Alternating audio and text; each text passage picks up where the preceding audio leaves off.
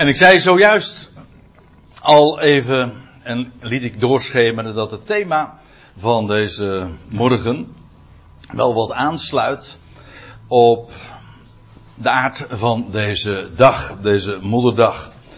De uitdrukking die u hier ziet geprojecteerd, gekend van voor de moederschoot, die is direct ontleend aan het Bijbelgedeelte wat we straks ook zullen lezen, namelijk uh, Jeremia 1. Daar, dat is het Bijbelgedeelte waarin ik u mee naartoe neem. Een, uh, een Bijbelgedeelte trouwens dat wel erg aansluit bij de laatste bijeenkomsten die we hier ook hebben gehad. Dat is min of meer toevallig. Dat geef ik toe. U weet, de, we hebben een hele serie gehad over de Bijbelse tijdlijn. En toen hebben we met name de laatste keren ook stilgestaan bij, bij dat moment dat de 70 jaren van ballingschap en van de verwoesting van Jeruzalem ophielden.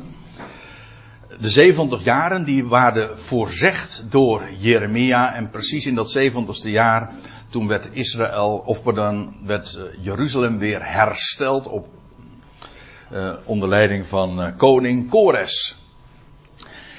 En naar dat tijdsgericht neem ik u mee. Dat wil zeggen, niet naar het einde van die 70 jaar, maar naar het begin van de 70 jaar. En eigenlijk nog weer iets daarvoor, namelijk naar de roeping van Jeremia.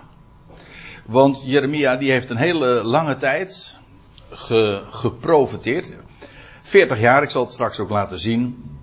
En dat wordt ook inderdaad beschreven. Nou laten we gewoon maar eens naar eh, dat Bijbelgedeelte toe gaan. Ik wil met u de eerste twaalf versen uit dat gedeelte lezen.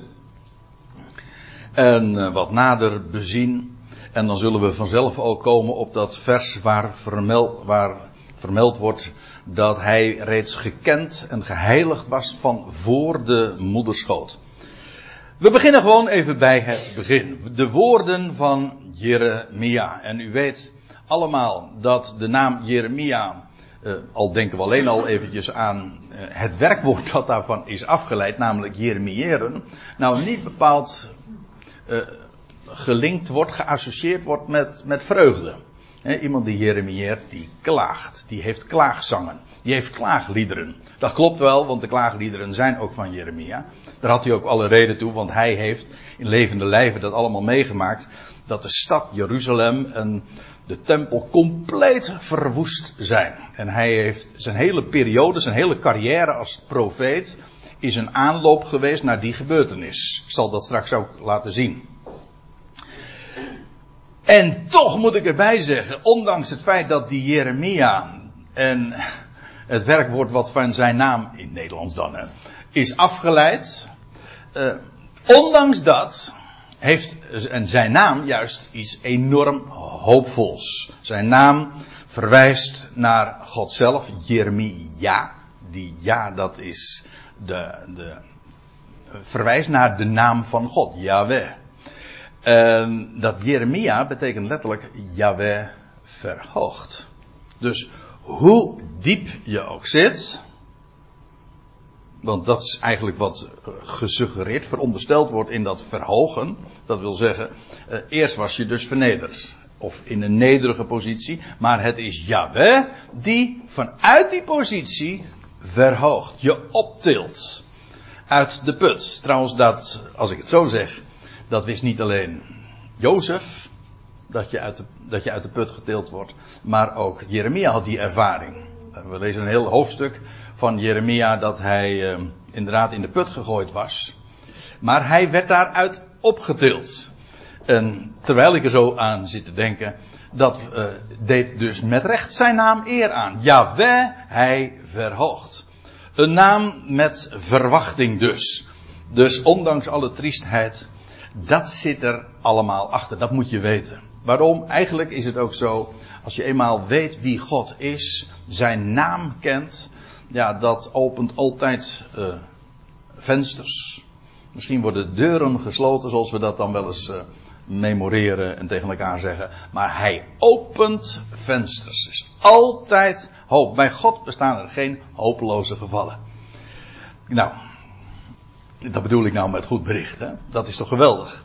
Uh, die woorden van Jeremia, laten we eens eventjes nog wat nader bekijken wie hij was. Hij was de zoon van Gilkia, of Hilkia, dat hangt er een beetje vanaf welke vertaling je neemt.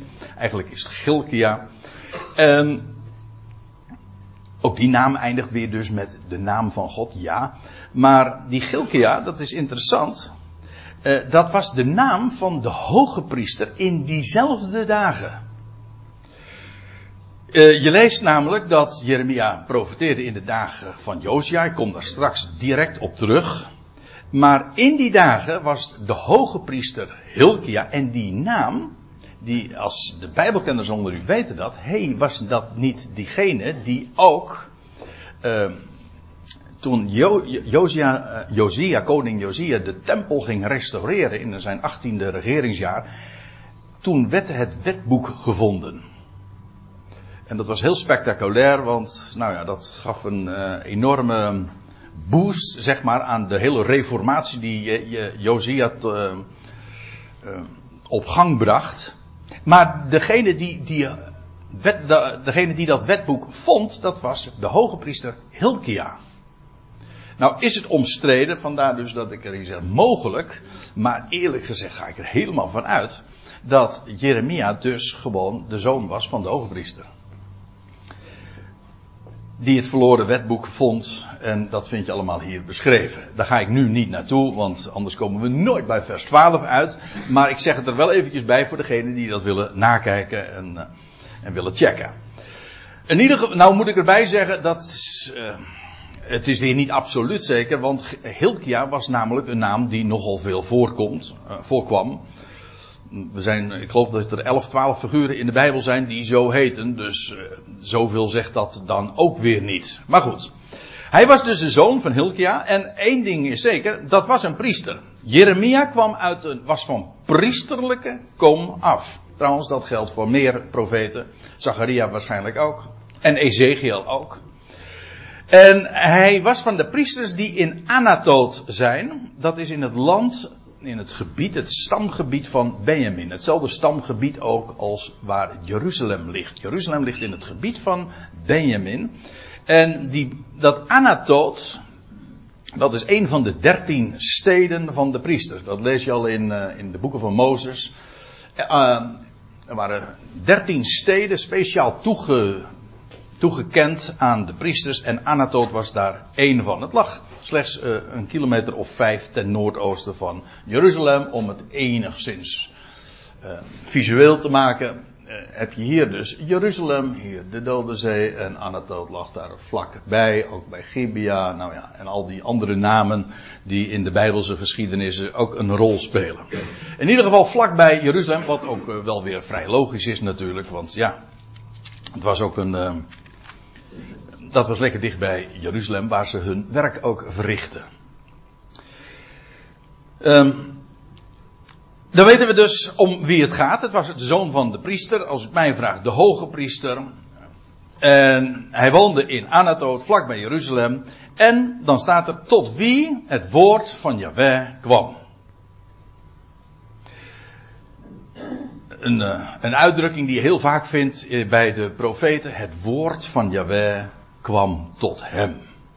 En dat is altijd opdat het doorgegeven zou worden. Dat woord is, wordt gegeven juist en toevertrouwd opdat het bekend gemaakt zou worden. Het enige eigenlijk wat in het leven werkelijk telt, dat is het woord.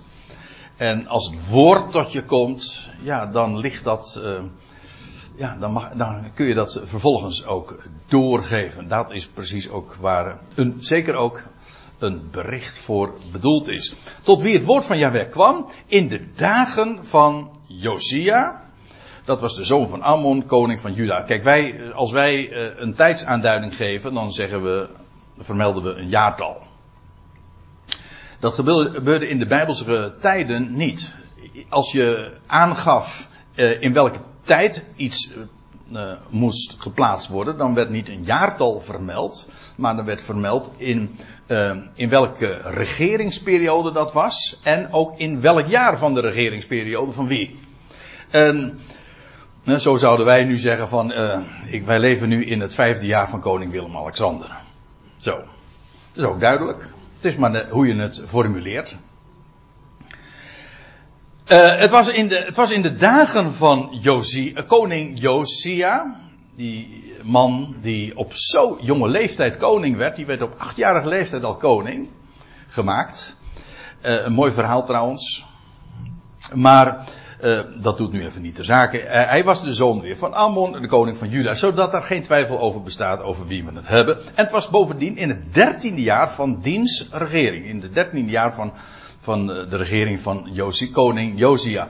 En dat is wel uh, boeiend, want Israël of Juda heeft gedurende haar hele bestaan, een, we hebben dat al eerder overwogen, een twintigtal koningen gehad, gekend. Die allemaal in Jeruzalem regeerden. Allemaal uit het geslacht, uit de dynastie, het koningshuis van David. En slechts zeven van die twintig, daarvan lees je dat ze Yahweh vreesden. Ontzag voor hem hadden en deden en wandelden in de voetsporen uh, van vader David ooit. En Josia was daar één van. Dat is een lichtend voorbeeld. In het dertiende jaar van dienstregering, toen was hij dus nog maar 21 jaar oud. Hm? Want hij was acht jaar dat hij koning werd. En dat betekent dus, in het dertiende regeringsjaar was hij nog maar 21. 21 jaar oud, een jonge kerel nog. Dat was trouwens uh, Jeremia ook. Toen hij hier geroepen werd, was hij een jongeling, dat zegt hij ook. Als u mij vraagt, zal hij ongeveer uh, dus net zo oud geweest zijn als Josia.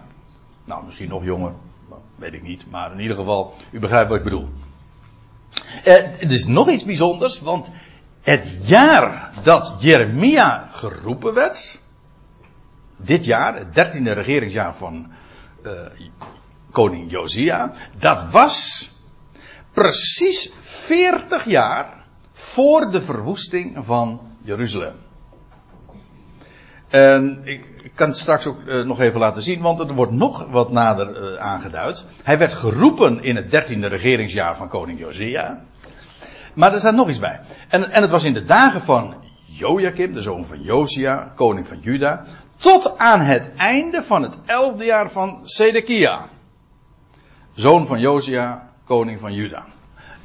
Nou, zegt u, nou gaat het me een beetje duizelen met de namen. Nou, dat, dat valt wel mee. Maar het punt is, Jeremia heeft 40 jaar lang geprofiteerd.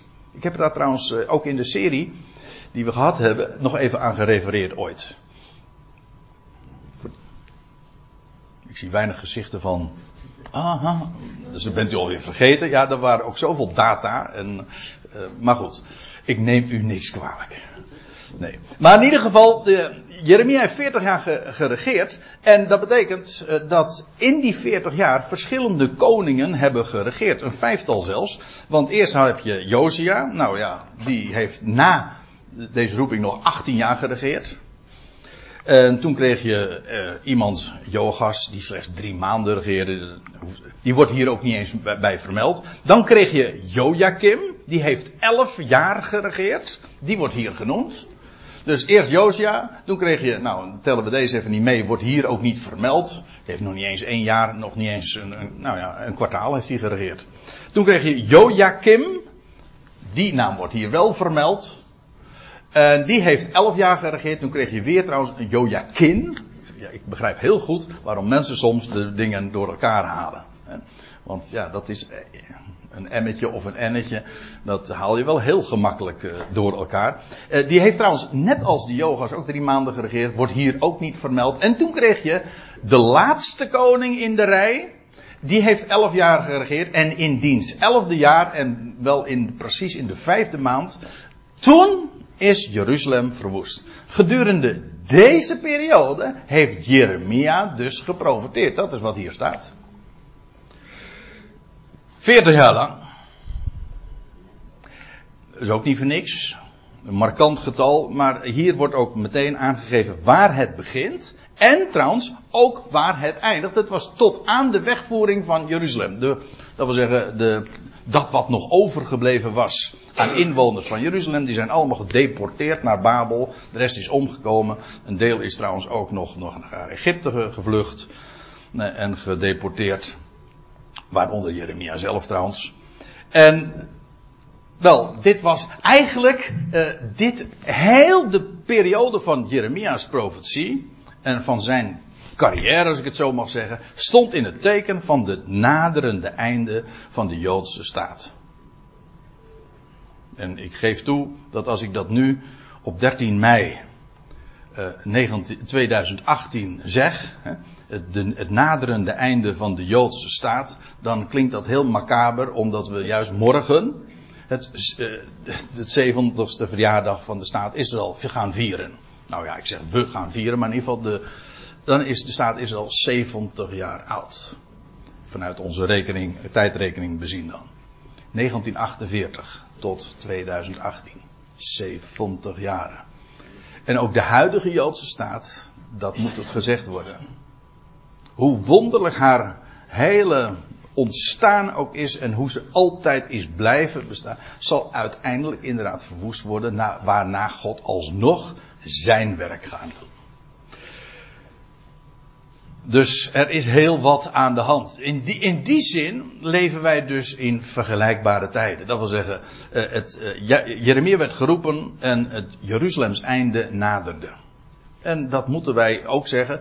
Uh, je kunt het natuurlijk ook positiever zeggen, want het einde van het een, van het oude Jeruzalem, dat betekent tevens dat God zijn werk gaat doen, een nieuw Jeruzalem gaat bouwen. Op de puinhopen van het oude. Want Jawel verhoogt. En dat wat vernederd is, ook wel eens de stad vernedert en met de grond gelijk, dan herstelt hij dat. Al wat, uh, hoe, zegt, hoe zingen we dat in het lied? Herstelt hij op den duur. Zingen we dan toch? Ton, ik, jij, jij, ik zie dat jij de woorden uit mijn mond trekt, maar dat gaat me even niet lukken. Al wat vernederd is, ah, dat is dus heel uh, mooi of beschadigd is, oké, uh, herstelt hij op den duur. Ja, dat is God. De, ik moet er trouwens nog iets bij zeggen, want nou gaan we, gaan we het nog in wat breder perspectief plaatsen, maar dan is het niet direct Bijbelstudie meer. Maar dit is echt de, uh, heel bijzonder. Deze periode van de wegvoering van Jeruzalem, toen het licht uitging in Jeruzalem. Daarna, dit was ook het, in die tijd, Sedekia, de laatste koning. Daarna is er nooit meer uh, iemand geweest die op de, uh, uit, het, uit het huis van David die in Jeruzalem geregeerd heeft. Is ook trouwens nooit meer de tempel in glorie hersteld. De Shechina, de heerlijkheid van Yahweh, is nooit meer daar geweest. Het licht ging uit. En nou ga ik u nog wat vertellen. Het was ook het jaar dat, het, dat de tijden van de natieën begonnen.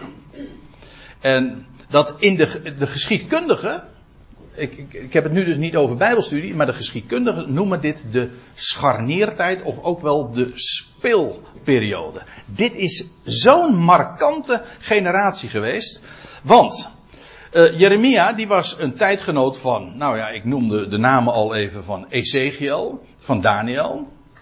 Uh, maar nu even, even in groter perspectief, wist u ook dat in diezelfde tijd in China optraden Confucius en Lao. Dat was een heel eind verderop en ze hebben elkaar ongetwijfeld nooit ontmoet. Maar dat, dat was dezelfde tijd. Het waren allemaal tijdgenoten van elkaar. Maar ook Boeddha in Jeruzalem.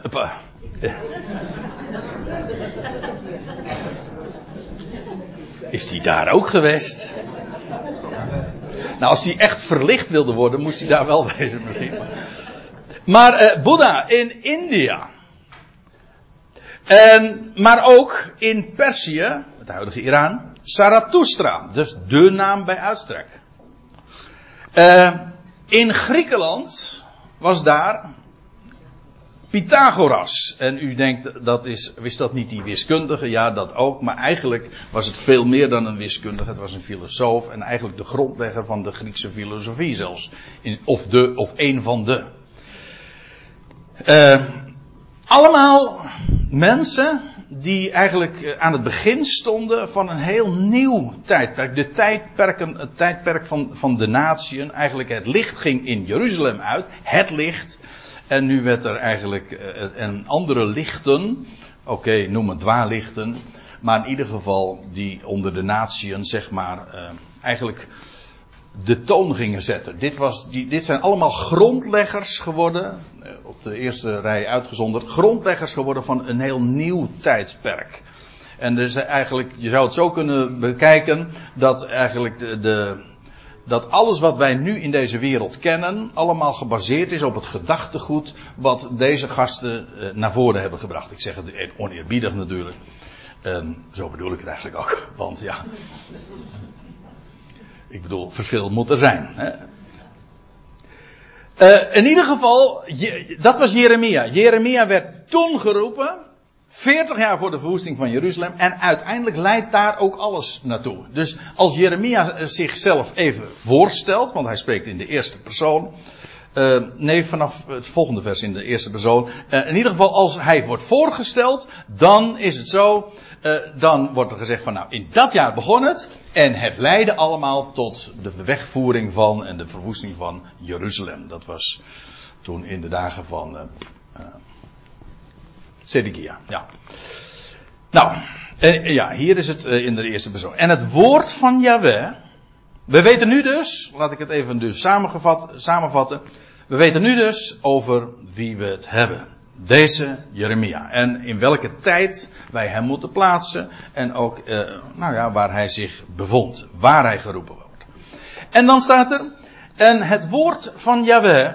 Heb je het weer. En het woord van Yahweh kwam tot mij zeggende, en nou komen we bij de, de titel van deze, van deze toespraak, van deze predikatie, zo u wilt, of bijbelstudie. Voordat ik jou, dat is het eerste wat tegen Jeremia gezegd wordt. Het eerste wat gezegd wordt tegen hem is dit. Voordat ik jou vormde in de buik, kende ik jou. Dit is overigens een vertaling die nogal letterlijk is. Hij wijkt er misschien een klein beetje af van de Statenvertaling of MBG-vertaling, maar u weet hoe dat uh, hier werkt. Hè?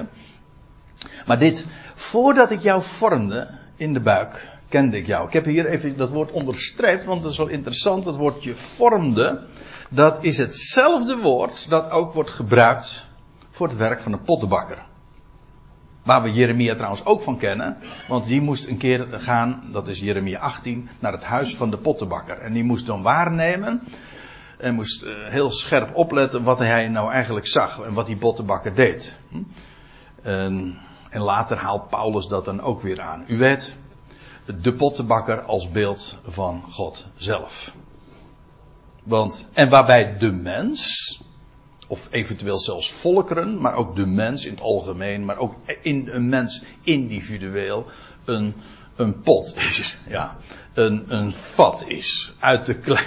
Ja, ik geef toe dat, uh, als ik het zo zeg, dan wekt dat weer andere associaties op. Uh, nee, daar ga ik het op deze moederdag niet over hebben. Maar uh, dat een, een vat, een stuk leem, wordt genomen. En dat is wat wij allemaal zijn. We zijn uit de, laten we het eh, even heel Nederlands formuleren, uit de klei getrokken. We zijn allemaal gewoon aardelingen. Dat is trouwens wat het woordje Adam ook betekent. Uit de aarde, Adama, genomen. Klei, en hij is het die de mens formeert. Hij is de schepper, daarvoor de bedenker maar ook degene die formeert. En eigenlijk die hele periode dat de, de mens, 40 weken, in de moederschoot wordt, in de buik staat hier, gevormd wordt, is eigenlijk ja, een embleem of een type. Of, het staat voor God, die de mens formeert. Ik bedoel, eh, we hebben allemaal 40 weken ongeveer. Ooit verbleven in de moederschoot. Weet u daar nog iets van? Maar daar werden we gevormd. Begonnen met twee onogelijke, niet met het blote oog waar te nemen celletjes. Die samen smolten en in 40 weken tijd vormde zich daar een mens.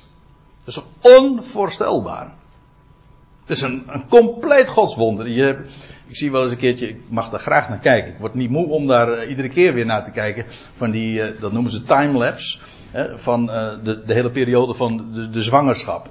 dat je dat in een paar minuten dan ziet ontwikkelen hoe dat allemaal prachtig eh, in beeld is gebracht eh, met, eh, met de huidige technieken. En dan zie je hoe een compleet godswonder zich manifesteert. Mocht je ooit atheïst geweest zijn, dan ben je dat eigenlijk dan in één keer niet meer. Hè? Denk, ik, denk ik dan. Hè? Dat is een beetje te optimistisch geformuleerd hoor, wat ik nu zeg. Maar in ieder geval, hij vormt. En wat heb je daaraan gedaan? Je wist, je wist nog van niks. Trouwens, dat van niks weten, dat gaat nog wel eventjes door. Hè? Dat, is, dat houdt niet op uh, op het moment van, van de geboorte. Maar laten we wel wezen, uh, ook de tijd daarna wordt een mens ook geformeerd. Door allerlei omstandigheden, dingen die je leert, nou ja, et cetera. Miljarden uh, factoren die allemaal maken wie wij zijn. En wij denken allemaal dat we zelf keuzes maken en dat is slechts in zekere zin het geval. Maar ook die keuzes zijn weer het gevolg van wat wij ons is overkomen. Dus hij is de formeerder. Zoals hij ons vormde in de buik. En nou staat er nog iets bij. Voordat ik jou vormde in de buik, kende ik jou. Dus hier wordt Jeremia, nog een jonge knaap, geroepen. En het eerste wat tegen hem gezegd wordt, eerste zinsnede. Voordat jij, voordat jij, hè, voordat die eerste twee cellen bij elkaar kwamen, voordat ik jou, uh, voordat de vorming aanving in de buik, toen kende ik jou. Waarbij het woord kennen hier trouwens nog, uh, uh, dat heeft ook te maken zelfs met, met liefhebben, beminnen, gemeenschap hebben. Het staat hetzelfde woord als Adam bekende zijn vrouw. Dat, dat woord kennen, jada. Dat uh, Jeremia werd gekend. En hij was ook tevoren bestemd.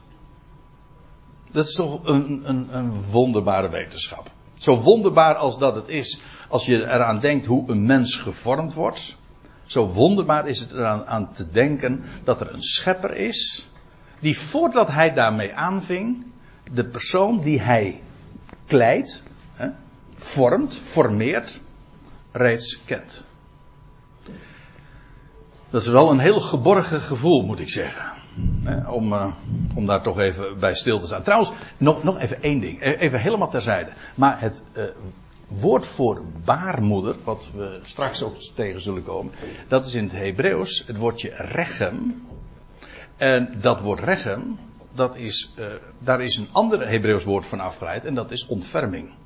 Dus eigenlijk de baarmoeder, dat, dat horen wij in het Nederlands niet. Maar als je in het Hebreeuws het woord baarmoeder zegt, dan, dan, dan klinkt daarin het werkwoord ontfermen door. De baarmoeder is die plaats van waar, waar je een mens beschermd wordt, geformeerd wordt en waar je veilig bent. En waar hij jou, ja, en zoals we zojuist ook gezongen hebben, hij kent ons tevoren. Hij kent mijn zitten en mijn staan, hij kent al mijn overwegingen van verre, voordat ik geboren was. Voordat ik gevormd werd in de buik. En voorbestemming, zal ik het eens op zijn Latijn zeggen, predestinatie, voorbestemming, dat is een bijbelse waarheid. En van Jeremia, of uh, je leest in Jezaja 49 iets soortgelijks. Hoort kustlanden naar mij. Dat is trouwens een profetie over de Messias. Een attentie volkeren in de verte. Jawel heeft mij van moederslijf aangeroepen. Vanaf de moederschoot heeft hij mijn naam vermeld. Dat was ook letterlijk zo. Meestal vond de naamgeving plaats na de geboorte, maar bij eh, bepaalde uitzonderlijke gebeurtenissen was de naam al van tevoren, in het geval van de heer Jezus was dat ook zo, was hem al van tevoren uh, gegeven omdat die naam precies ook uitdrukt wie iemand is. Van moederslijf aangeroepen vanaf de moederschoot. Waarom? Wel opdat hij, hij was voorbestemd en dat zie je altijd weer. Die voorbestemming, als dat vermeld wordt, heeft te maken met het feit dat God iemand bestemt voor een belangrijke taak, namelijk om het woord bekend te maken. Hier ook. Hoort, kustlanden. Dat wil zeggen, ik heb wat te melden. Waarom? Wel, Jawel heeft mij geroepen. Vanaf de moederschot. U kent ongetwijfeld eh, die andere. Van wie we dat ook lezen. Jeremia werd geroepen. Jezaja, maar ook van de Heer Jezus lazen we het zojuist. Maar in Galaten 1, dan lees je dit. Saulus, die moord en brand blies eh, tegen de gemeente Gods. Eh, en dan op weg naar Damascus is. En dan lees je. Maar toen het de God behaagde. Die mij afzonderde. Vanuit de schoot van mijn moeder. En roept door de genade van hem. Om zijn zoon in mij te onthullen. Opdat ik hem zou evangeliseren. Te midden van de natie. Het gaat mij uiteraard hier eventjes om. Paulus die zegt. Ja, ik ben geroepen, maar ik ben ook voorbestemd. Vanaf de schoot van mijn moeder. Zoals hij later trouwens in de Efeze zegt, dat gaat in feite nog veel verder. Dan gaat het over alle gelovigen. Dan staat er, zoals hij, God, ons uitkiest in hem, de zoon, voor de nederwerping van de wereld, voordat de wereld aanving. Opdat wij zouden zijn heilige en smetteloze voor het aangezicht van hem. In liefde tevoren ons bestemmend. Tot zo'n stelling. Ja, dat, zijn, dat is een hele mond vol. Maar waar het om gaat is dat God ons al voordat de wereld aanving, ons al had gekozen en had voorbestemd. Hier gaat het specifiek over degene die vandaag worden uitgeroepen. God roept. En die hij roept, Nee, hoe zegt Paulus dat in, in Romeinen 8? Degene die hij tevoren gekend heeft. Degene die hij tevoren kent, die heeft hij tevoren bestemd. En die hij tevoren bestemt, die roept hij. En die hij roept, die rechtvaardigt hij. En die hij rechtvaardigt, die verheerlijkt hij. Al, dat is een, gewoon, dat is, dat is een ketting, een gouden ketting. Hij kent tevoren, hij bestemt tevoren, hij roept. En, en het is allemaal zijn werk. Dat is hier met Jeremia ook. Jeremia wordt geroepen. En eh, als een jonge vent. En, en wordt tegen hem gezegd: Voordat ik jou vormde in de buik, kende ik jou. En voordat je voortkwam uit de, de baarmoeder, de geboorte dus, heiligde ik jou. Heiligde betekent gewoon apart stellen. Oftewel afzonderen. Heb ik jou speciaal voor die taak al afgezonderd. Zoals Paulus ook vanaf de moederschoot al gevormd en geformeerd werd om bekwaam gemaakt te worden voor zijn taak, voor zijn eigenlijke missie. En nu wordt Jeremia geroepen. En hem wordt hem dit te verstaan gegeven. Voordat je voortkwam uit de baarmoeder, heiligde ik jou. En ik stelde je tot een profeet voor de natie. Die Jeremia die heeft een geweldige functie gekregen. Hij was profeet. Hij was de, in het Hebreeuws betekent dat de mond van God. God heeft wat te zeggen en hij, hij, hij neemt monden van mensen. En hij heeft. En Jeremia was zo'n mond van God. Nebiim, de, de profeet. En er staat in: Ik stelde je. Voordat ik jou dus vormde, voordat je voortkwam, stelde ik je tot een profeet voor de natie. Want het was niet alleen maar dat Jeremia's ging. Uh, voorzeggingen deed en profeteerde en Gods woorden uitsprak met betrekking tot Israël en Juda en tot Jeruzalem, maar ook voor Egypte en Assur en Babel. Al die naties komen ter sprake. Het was, ik zei al, een enorme, ja, het was een speelperiode. Jeremia heeft daarover gesproken. Dat wil zeggen, woorden Gods. En wat Jeremia heeft voorzegd. Weet u nog dat ik de vorige keer al uh, liet zien dat God, dat, dat Jeremia al voordat Jeruzalem verwoest werd, al gezegd had. Die verwoesting gaat 70 jaar duren. En wat gebeurt er? Precies in het 70ste jaar uh, houdt de verwoesting daadwerkelijk ook op. God vervult wat hij voorzegt. Afijn, Jeremia wordt geroepen. En hem wordt te verstaan gegeven met wie hij van doen heeft.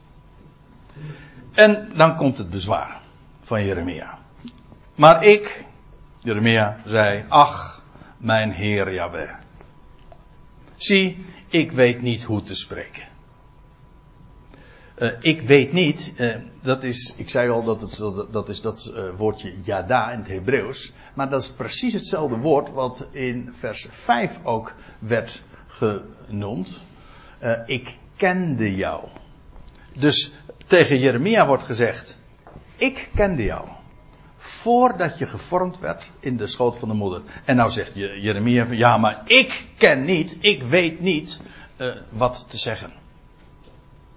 Uh, dat is trouwens eh, iets wat, een bezwaar wat heel vaak klinkt hoor, als iemand geroepen wordt van, ja goh, dit is zo kolossaal, waar u mij toe roept, wie ben ik? Dat kan ik helemaal niet. Mozes werd geroepen en hij zei van, ik, mijn, mijn, mijn tong is zwaar. Ik, hij, was, hij kon gewoon moeilijk spreken, misschien stotterde hij wel of zo. En dan zegt God, dat is heel mooi, moet je maar eens nalezen in Exodus 3 of 4, dan wordt hij geroepen. En dan zegt God van, maar wie heeft de mens nou een mond gegeven? Wie heeft ogen gegeven om te zien? En een mond om te spreken? Dat ben ik toch? Als ik jou nou roep, denk je nou werkelijk dat, jou, dat ik niet in staat ben om jouw mond vaardig te maken? En zo, al dus geschieden. Dus het bezwaar had op zich misschien naar de mens gesproken, was volkomen redelijk. Jeremia zegt, ja, ik ben een jonge vent. En hij zei, ik weet niet hoe te spreken. Dat wat u nu zegt, dat kan ik helemaal niet. Ja, hij zegt, want, maar hij gooit het dus niet zozeer op een handicap van dat ik zwaar ben om te spreken, maar zijn bezwaar is dat hij nog veel te jong is. Misschien was hij wel net zo oud als die, zoals ik al even suggereerde, als die koning die uh, op dat moment al 13 jaar regeerde. Koning Josia. Ik ben jong. Ja, wat, wat zal ik nou? Ik ben jong. Wat kan u nou? Nou, jonkheid is voor de Bijbel, in de Bijbel nooit een bezwaar hoor. Integendeel, het zijn de gouden jaren. Dat staat in Prediker al. Gedenk uw schepper in uw jongelingsjaren. In de jaren van je kracht. In je gouden jaren. Als je, als je werkelijk waarde wil geven aan je jeugd. Aan je jonkheid. Aan je frisheid. Aan je kracht. Dan moet je dat doen dan dat geeft werkelijk zin en betekenis aan je leven. En er is maar één ding, en dat zal uiteindelijk elk mens tot een, een keer gaan erkennen. En gezegend degene die het vroeg ontdekt. Er is uiteindelijk maar één ding wat telt. En dat is zijn woord. En niks anders. En dat is ook, en dat het ook de prioriteit te geven. Prioriteit betekent letterlijk de eerste plaats aan toekennen. Prior, hè? De eerste. Eerst dat. En dan volgt een hele tijd niks. En dan krijg je alle andere dingen. Zo is, dat zijn de verhoudingen. Ik, eh, bij ons in Aalsmeer hadden we een kennis die zei altijd dat is punt 73. Hij bedoelde ermee te zeggen van dat is eigenlijk, eh, nou ja, in vergelijking met hetgeen wat werkelijk telt, volstrekt irrelevant. Maar je, nou wordt hier deze jongeling geroepen. En, en, maar dat is helemaal geen bezwaar. Uh, laten we uh, het antwoord van, uh, van van God zelf eens lezen. Maar Yahweh zei tot mij, zeg niet ik ben een jongeling. Dat mag dan waar zijn, maar dat is geen bezwaar. Want tot een ieder waarheen ik jou zend, zul jij gaan. Niet dat moet jij gaan, maar je zult gaan. Ik maak jou namelijk vaardig. En Jeremia zegt van ja, maar ik ben niet gekwalificeerd. Maar God roept ook geen gekwalificeerde. Het is precies omgekeerd. God kwalificeert degene die hij roept. Kijk, dat is het grote verschil. Als hij jou roept, dan geeft hij jou ook het vermogen en de kracht en alles wat je nodig heeft, de kwaliteiten. Wat dacht je nou? Wat? Dat de God, die de mens een mond en een tong heeft gegeven, niet in staat is om jou te laten spreken. En Jeremia, jij zegt dat je jong bent. Ja, daarom roep ik jou juist. Want je hebt nog een hele tijd te gaan, nog 40 jaar, dat wist hij natuurlijk niet, dat weet ik wel. Maar God wist dat wel. En jij, Jeremia, gaat dat doen. En, en iedereen, tot een ieder, een ieder, iedereen dus, tot iedereen waarheen ik jou zend, daar zul je gaan. En alles wat ik jou instrueer, wat ik jou gebied, maar eigenlijk is het in, het geven van instructies. De instructies die jij nodig hebt, maar die ik jou ook geef. Kortom, alles wat jij nodig hebt, dat geef ik jou. Dat is trouwens, dat is het geweldige als God iets, als God een opgave geeft, dan geeft hij ook gewoon alles wat daarbij hoort. Daar, daar hoef je niet over te twijfelen. Dat is gewoon, uh, dat is niet een conclusie, dat is een vooronderstelling. Daar ga je gewoon op voorhand vanuit, dat is wel zo handig. Als je eerst nog tot die ontdekking moet komen dat het zo is, dat, uh, dat kost een heleboel tijd, om zo te zeggen. Niet nodig. Ga er nou maar vanuit, Hij is God. En als Hij jou roept, dan geeft Hij alles wat daarvoor nodig is. En alles wat ik jou instrueer, dat zul jij spreken. Jij zegt, ik heb geen woorden. Zegt, ik weet niet hoe te spreken. Nee, maar dat hoeft ook helemaal niet. Jij hoeft ook zelf geen woorden te bedenken. Vers 8. Vrees niet voor hun aangezicht. Dat wil zeggen voor degene waarheen ik jou zend. Wees niet bang. Er wordt wel eens, wordt gezegd dat hij uh, uh, op een afschuwelijke manier aan zijn eind gekomen is, Jeremia. Maar dat is een legende hoor. Want ik geloof er eigenlijk niks van. Want God had gezegd, vrees niet voor hun aangezicht, want ik ben met jou. Zegt Jaweh met nadruk. Let daarop. Als ik met jou ben, als ik, dat is Paulus, Romeinen 8, als ik voor jou ben, wat kan er dan ooit tegen jou zijn? Dat is glad onmogelijk. Als degene die alles in zijn hand heeft, alles gemaakt heeft, als hij voor jou is, dan kan er helemaal niks tegen jou zijn. Kijk, dat is kracht. Dan heb je echt uh, rotsgrond onder de voet hoor. En Jawel, dat, dat, dat, lees je dan wat uh, er gebeurt. Tot dusver uh, sprak, vond er een conversatie plaats. En nu lees je in vers 9. En Jawel strekte zijn hand en raakte mijn mond aan. Dat gebeurt nog eens. Hm? Gewoon, het wordt aangeraakt en dan, ja, dan gebeurt er wat. Als God jou aanraakt, als hij jouw hart aanraakt, je oren aanraakt, eh, als hij jou aanraakt, in dit geval zijn mond, ja, dan. Eh, van Jezaja lees je dat ook zijn mond werd geraakt. Kent u dat? Die roepingsvisioen, Jezaja 6, met de kolen van het altaar. Hm? Een, een gloeiende kool werd zijn mond aangeraakt. Ja, en zo werd Jezaja vaardig gemaakt. Want Jezaja zegt ook, wie ben ik?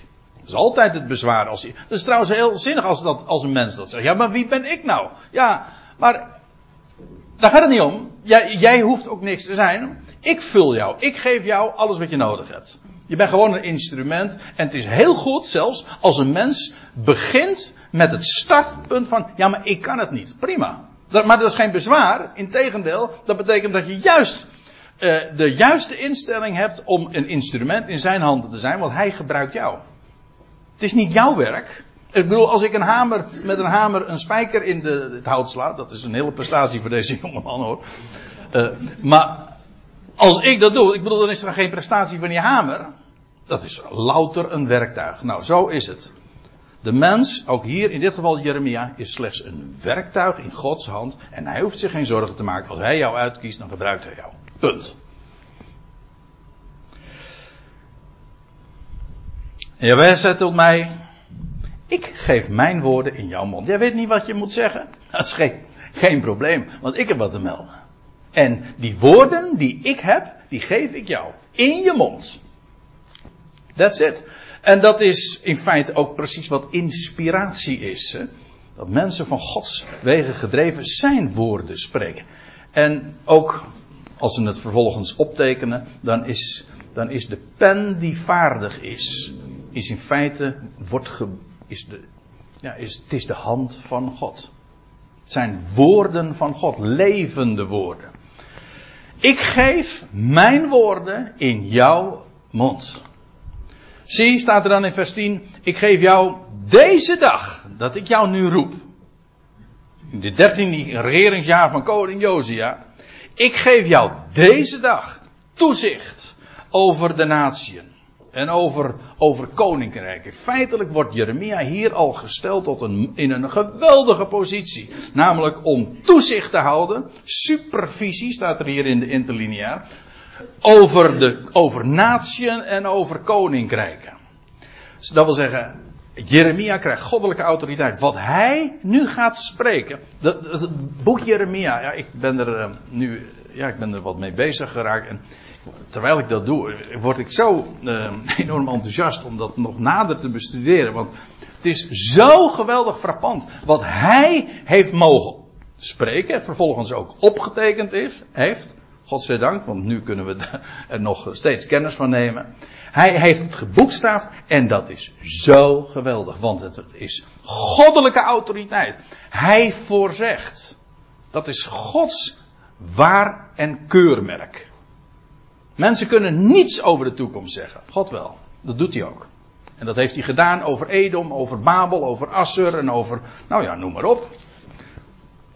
En Jeremia heeft het, op, eh, heeft het gesproken. Dat waren, dat waren geen woorden van een mens. Dat kon een mens ook niet uitspreken. Nee, maar God wel. En God zegt, ik geef jouw woorden in mijn mond. Zie, ik geef jou deze dag toezicht over de natie en over koninkrijken. Ook om uit te rukken, om af te breken, om te verdelgen en om te verwoesten. Ja, dat u begrijpt, als je, dat, als je geroepen wordt om zulke dingen te doen, om zulke vernietigende woorden over koninkrijken en steden en landen en natieën uit te spreken, dat wordt je niet in dank afgenomen. En Jeremia is ook een profeet geweest. Hij is geroepen. Hij wist dat ook. Maar hij had een zeer ondankbare taak. Wat, man, man, wat heeft hij? Uh, man, uh, enorme tegenstand gehad. Dat wordt je niet in dank afgenomen. Ze leggen niet de rode lopen voor je uit als je het woord van God doorgeeft. Maar het is de waarheid. En u weet het, zeggen we wel eens, de waarheid is hard. En daarmee bedoelen, ja, is hard in de zin soms ook pijnlijk. Maar weet u, de waarheid is hard. De waarheid is rots. Zo hard als een rots. Het, is, het zijn namelijk feiten. En feiten zijn hard. Daar kun je niks aan veranderen. Mening enzovoorts kun je bijstellen enzovoort. Maar feiten zijn feiten. Wel, de, het woord is waarheid. Daar valt niks aan te vormen. Dat is niet zacht. Dat is niet kneedbaar. Zoals de mens wel kneedbaar is. Wie weet het hè. Maar de waarheid niet is hard. Maar wat is het geweldig. En Jeremia heeft inderdaad zulke afbrekende, uitdrukkende, af, eh, en verdelgende en verwoestende woorden gesproken. Dat is waar. Maar dat niet alleen, want dat is, dat is vernedering. Maar ook verhoging. Hè? Ja, werd verhoogd. Maar ook om op te bouwen. En om te planten. Want er is nieuw perspectief. Maar dan wel op Gods tijd en op Gods wijze. Nou, in feite wordt hier even in één zin een samenvatting gegeven van de bediening die Jeremia zou krijgen. In die zin is dit ook werkelijk inleidend voor uh, inleidend met een korte en met een lange ei. Hè? In het geval van Jeremia. En het woord, en nou komt nog iets. Ja, dat is het laatste. En het woord van Jahweh kwam tot mij, zeggende, wat zie jij Jeremia? was eerst aangesproken, vervolgens was hij aangeraakt. En nu krijgt hij iets te zien. Ik denk persoonlijk dat dit in het voorjaar is geweest. In het vroege voorjaar. Want, wat ziet Jeremia? En hij, nou, hij geeft antwoord. Ik zie een tak van een amandel. Aha. Een amandeltwijg. Staat er in de MBG-vertaling, geloof ik. Of, ja, een amandeltwijg. En de amandel, dan, dan moet u weten. De amandel is de boom die in het Midden-Oosten, in Israël in het bijzonder, als eerste gaat bloeien in het voorjaar. Ver uit het eerste.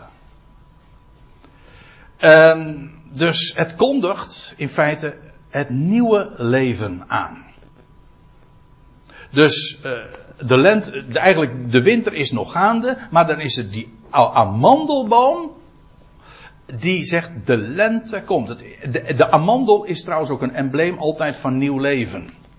Uh, weet, u nog dat, weet u van dat er een, een, menorah in de tempel stond of in het heiligdom? Dat was zo'n zevenarmige kandelaar. Van louter goud trouwens. Maar dat was in feite een, een, een gestileerde amandelboom. Staat er ook bij.